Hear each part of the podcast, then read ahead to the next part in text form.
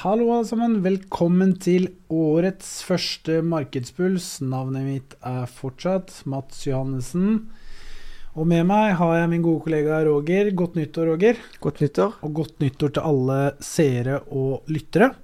Håper det var en eh, fin jul- og nyttårsfeiring, og at uh, ikke alle har snødd eller frøset bort. Det er vel kanskje for mye å be om i disse dager, men Ja, det er jo klart at uh, det har vært kaldt uh, både ute i starten av 2024, men det har vel òg kanskje vært litt småkjølig på børsen nå? Ja, har det ikke det? Si det? Jo, da er det så etter en Hva er det de sier? Etter en søte kløe så kommer det en torte svie eller et eller annet, tror jeg. Så uten at vi skal begynne med for mye ordtak, Roger. Men vi kan si hva vi, snakker, hva vi skal prate om nå i um, årets første episode. Og det er jo Vi skal ta opp dette med nordisk presence og eh, Norden som en verden, et, en verden i miniatyr, blant annet. Og så skal vi se litt på den som kanskje ikke har fått så mye oppmerksomhet, egentlig, men som vi tenkte vi skulle grave litt i. Og det var det her med den eh, i mangel av et bedre norsk ord, winning-streaken til SMP 500. Den var jo på hele ni uker i positivt terreng. Det er jo ikke så ofte det skjer, så det skal vi se litt på,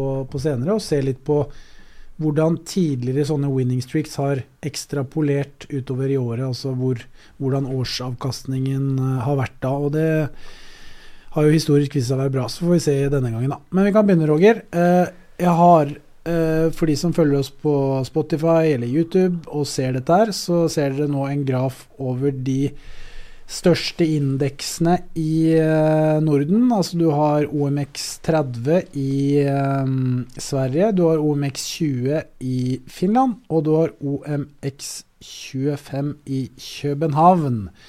Uh, I tillegg til OCBX, riktignok, i Norge. Og hvis man ser de siste 30 dagene der, så er mer eller mindre alle sammen i pluss. Oslo Børs er vel på OCBX-nivå, marginalt i minus når vi spiller inn denne episoden her um, mandag klokken kvart på to. Uh, mens de andre børsene har starta relativt bra, Roger, med svenskebørsen i førersetet. Den er vel opp en knappe 5 ca. for året. Ja, så det har jo vært en ja, hva skal jeg si, altså Relativt sett så har det vært en heidundrende start på året for de nordiske børsene. for dette, Når vi snakker i relative termer. Mm. Det har falt en god del i Asia, mm. spesielt på Hongkong-børsen. USA også. Og i USA. Mm. De store tech-selskapene eh, vi så i forrige uke, så var det vel et par-tre eh, analytikere, kjente analytikere som nedgraderte Apple. Mm. Og det er jo klart at Apple vekter jo tungt i, eh, i de fleste indekser, eh, og det påvirker markedet. Så, så, så, i relative termer så, så, har de nordiske børsene gjort det bra. Og hvorfor har de det? Eh, kan det være fordi at det er mer små og mellomstore selskaper her? Og det er det jo. For det, på det globalt perspektiv så er det små og mellomstore selskaper på, på uh, Oslo Børs. Og det så vi òg på blant de små og mellomstore selskapene i USA før jul. Altså i alle fall i november-desember så gikk jo det òg veldig bra. Mm. Uh, og litt av grunnen til det er jo at rente, altså de lange rentene altså markedsrentene, de har kommet nedover mm. etter at Federal Reserve, den amerikanske sentralbanken, gjorde denne herne, ja, pivot, som det kalles. Altså eh, strategiendringer fra å skifte fokus vekk fra å bekjempe inflasjon, de føler seg eh, komfortable, mot å sørge for at ikke det blir resesjon. Sørge for å få mer vekst. Og det er jo noe som sånn så i, både i teori og praksis så skal jo det være eh, fordelaktig for de mindre selskapene som er mer rentesensitive. Mm. Som ikke har den pricing poweren som de store har, eller mode som de store har, til å bare øke prisene når det er inflasjonspress. Så, og det er, om så skjer, om dette er bare starten på en trend som kommer til å fortsette ut året eller ikke, det vil jo tida vise. Men om det er det, så er jo det godt nytt for alle. For det, da vil vi få mye mer bredere eh, bredere bevegelse i aksjemarkedet. Og det er det lenge siden vi har hatt. Ja. I den forbindelse, Roger, så har jeg en quiz til deg fra 2023. Apropos det med smal oppgang i, på SMP 500-indeksen. Og da spør jeg deg, hva var SMP 500 opp i fjor? Altså i 2023? Ja, det burde jeg jo ta på stående fot, for jeg skriver jo eh, ja, Kanskje ikke jeg skrev det i morgenrapporten, men eh, Nasdaq 100-indeksen gikk vel 53 Ja. Og eh, SMP var den opp 23. Altså han var opp over 23,5 Ja. i dollartermer. Og så var jo det med den, den eh, Dow Jones-indeksen, den var litt mer laggard, men det er den alltid. Ja. Eh, men kanskje det er den som faktisk vil kunne gjøre det mye bedre eh, i 2024. Ja, men jeg er ikke helt ferdig ennå. Det, det er to andre delspørsmål til. Det andre delspørsmålet er selskaper du har snakket veldig mye om i 2023. The Magnificent Seven. Hvor mange altså hvor mye akkumulert var de opp til sammen, da? Hvis du legger fra altså, likevekter alle de syv aksjene. Ja, altså, Nvidia eh, var vel opp 230 Mm. eller 229, tror jeg. Eh, Tesla var vel opp eh, over 100. Mm. Meta var, var vel eh, nest best, tror jeg. Mm. 170-80. Mm. Og så eh, Jeg tror Apple var en av de som gjorde det dårligst, men de dobla seg nei, gikk opp 50 Mm. i, i, noe i den eh, duren. Men så hadde du jo bra trøkk i Microsoft, uh, som er nest største selskapet på børsen. Uh, og så var det vel Alphabet uh, gjorde det vel òg bra. Kan de ha vært opp jeg, jeg husker ikke eksakt hva de var opp, men, men det er i, i området der. Altså alltid fra 230% og nedover til 50% tror jeg det var. Ja, men hva tror du likevektresultatet ble for Oi. 2023? Ja, skal vi, skal vi tippe at det var 100 og Ja, du må tippe, jeg vet svaret. Ja, du er svaret? Ja. Ja. Da må jeg tippe at det er 100 og- Nei, ja, Jeg vet ikke. 130 Nei, 75% Ok, ok. Så, og det er fordi at det er Microsoft og uh, Apple som er de store tunge, og Nvidia er ikke, vekter ikke nok. Nei, eh, men uansett så falt vel den ifra 2,30% og nedover, for den falt jo litt senere etter den toppen. Anyways, da er spørsmålet mitt også hva, er, hva var SMP 500 eh, Eller unnskyld, hva var SMP 493 opp? Altså hvis du ser bort ifra de Magnificent Seven. Ja, det var vel, det var vel 12-13% Ja, det er bra tippa. 11,5% Ja. Så det sier litt om Grunnen til at jeg snakket om denne quizen her, var bare at man ser bare hvor smal den oppgangen har vært. da. Ja. Når du har hatt de Magnificent Seven som har vært opp 75% så har de kall det dobla prosentpoeng SMP 500-indeksen, da, med tanke på at de 493 andre selskapene bidrar med 11,5% Og det faktisk bare siste måneden, altså type slutten av november og i desember. Eh, før det så var den svakt, eh, svakt i negativen, omtrent null. Så det vil jo tilsi at liksom vi har hatt en ekstremt svak, eller en, unnskyld, en ekstremt smal oppgang på SMP 500 i fjor, gitt disse syv gigantene som sto for mer eller mindre hele oppgangen. Mm.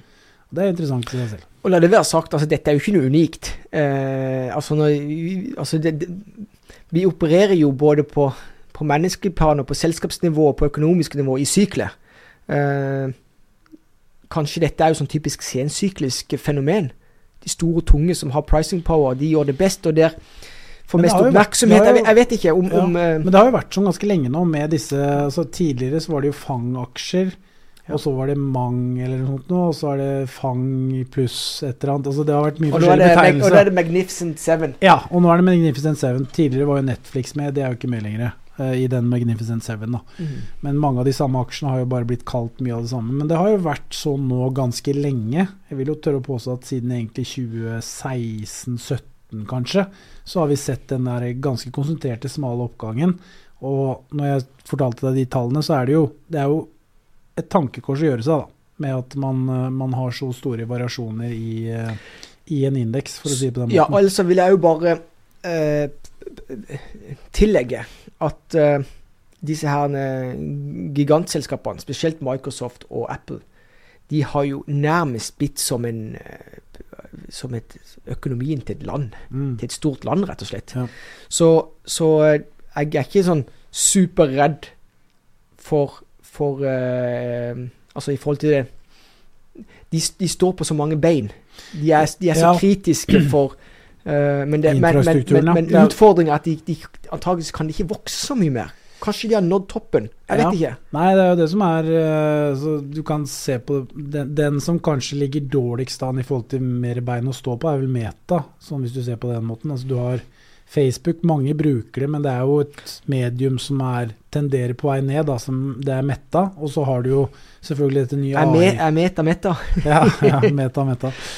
Men eh, altså eh, Og så har du dette Instagram-greiene, men det også er jo i forhold til TikTok i hvert fall ikke De vokser jo ikke noe særlig. Og så har du selvfølgelig dette AI-benet, da, men det er kanskje en av de Magnificent Seven der som har mm, vind i ryggen nå, men er kanskje tilbøyelig til å være litt negativ. Jeg vet ikke. Og siden du tar den vinklinga, så er jeg påtvunget til å ta motsatt vinkling. Ja. Eh, og la det være sagt, det er jo mange som har avskrevet Meta, eller Facebook, det heter jo Facebook før. Ja. Eh, de gjorde jo en eh, navneendring idet de hadde nådd toppen med Facebook og Instagram, basically. Eh, og da er det jo snakk om å bygge dette her nye universet, meta-universet, Mm. hvor det har med virtual reality og hvordan du kan egentlig bygge en, en ny verden. Uh, og hvis de lykkes med det, så er jo meta noe helt annet. Mest sannsynlig så leder det an akkurat i det sporet. De er jo en melkeku uten like blitt, eh, og den cashen bruker de til å kjøpe tilbake egne aksjer, eller til å tape masse på å utvikle eller vi har masse på utvikling av dette her meta-universet. Så de baner jo vei for veldig mange andre eh, typer ni, eh, nisjer, altså spesielt gamingindustrien. Mm. Så jeg er ikke så eh, Fra et strategisk ståsted så syns jeg det er veldig Det er herlig å se på Zuckerberg når han Altså når han, hvordan han styrer øh, styrer Meta. Han er litt sånn Han er litt eh, Jeg vil si han er litt sånn Elon Musk-aktig.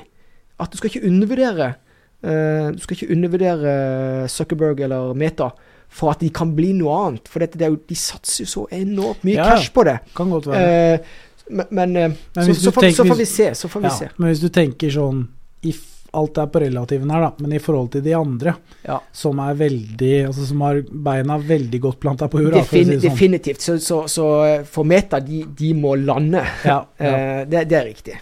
Så, ja. Men til syvende og sist er jeg litt opptatt av det. Altså som, som, som aksjeanalytiker så er det det at det, det, det, er jo, det er jo viktig å se på Prøve å se et selskap innenfra og ut. Altså hvordan styres det, hvordan vil du styre det? Mm. Eh, hva må du gjøre i den ulike situasjonen? Da? Altså, Meta er jo et selskap. Hva er det, hva er det pris? Er det 800 milliarder?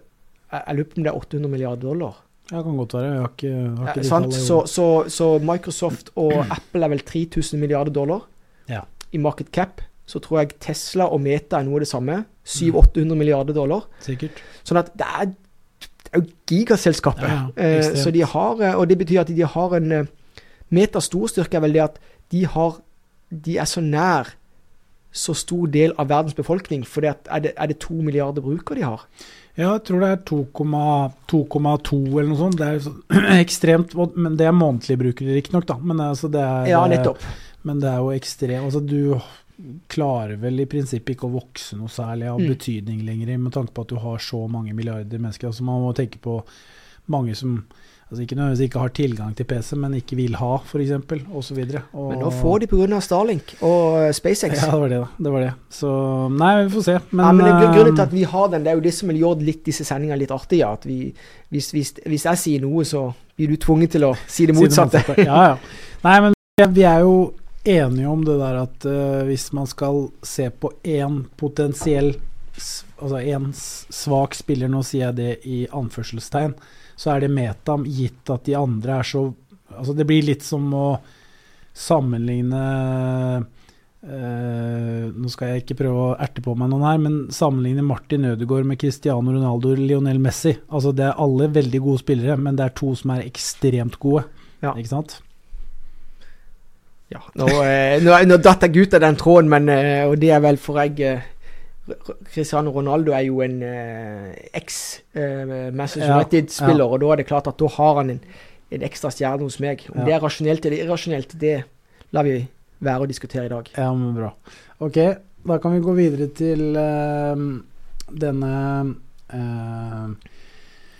eh, winning-streaken. Altså hva blir det egentlig på norsk, da? Seiersrekken til SMP 500. Vi hadde jo eh, ni uker eh, med positiv avkastning eh, på rad. Og det er vel den lengste eh, rekka siden 2004.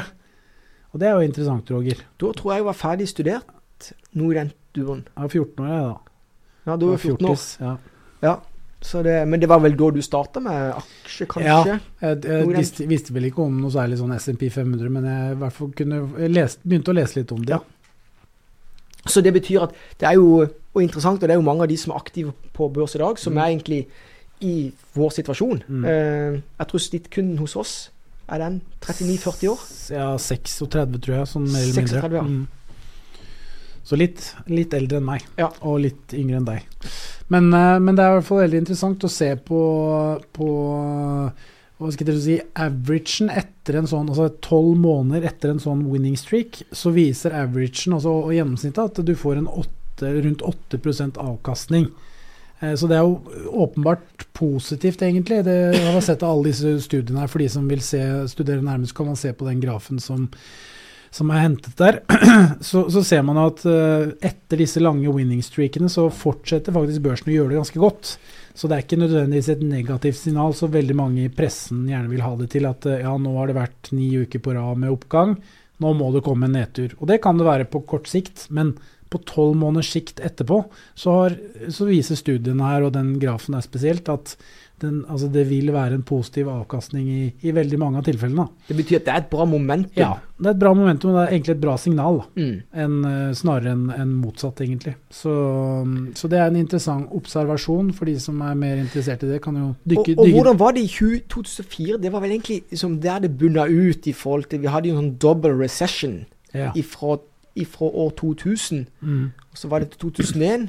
Så kom jo den der smellen med 9-11. mm, Og så kom det en ny eh, nedtur. Altså, og så begynte det vel å gå gradvis opp til 28. Så fra Ja. 2004-2008 var det jo en heidundrende push i markedet. ja. Og det som også i den perioden der, det er inflasjonspress der. mm, Som da favoriserte sånn som Oslo Børs. Så det er mye råvare, shipping. ja, og renta toppa vel ut på noe av de samme nivåene som, Ja, om ikke mer. Det var vel en 6-7 rente, boliglånsrente riktignok, på den Ja. tida der. Så da var det vel omtrent det samme Mm. i langrentene. Så det er omtrent ganske likt som i Men så skal vi jo passe på det. Vi skal ikke få sånn den uh, fugleperspektiv, eller hva heter det, fuglementalitet, eller hva det kalles. Altså det, det betyr at altså, vi skal ikke bli for opptatt av å referere til tidligere hen, altså, tidlig, altså noe som ligner på Nei, nei. dette. Altså, men det er iallfall en interessant eh, interessant bemerkning at sånne streaks, altså det seiersrekke, Mm. det skjer ikke ofte. Nei, og det er positivt når de Mm. skjer. Så det er en bra ting. Så jeg tror vi bare starter eh, starter året on a positive note, som de kan si. Altså, Ja, og nå går vi for ni uker med nedtur. Ja, nei, vi, vi tar med oss alt det positive Ja. vi kan nå i litt sånn ruglete tid. Og så ses vi neste uke. Tusen takk for at du hørte på. Markedspuls skal anses som markedsføringsmateriell, og innholdet må på ingen måte oppfattes som en investeringsanbefaling. Sendingen er kun ment til informasjonsformål og generell spareveiledning. Nordnett tar ikke ansvar for eventuelle tap som måtte oppstå ved bruk av informasjonen i Markedspuls. Jeg og Roger, som Nordnetts tallpersoner, kan ha eierinteresse i selskapene som omtales i sendingen. Dere kan til enhver tid se våre innehav av aksjer, obligasjoner og andre derivater på Shareville, der kallenavnet er Mats Nordnett eller Bull Berntsen.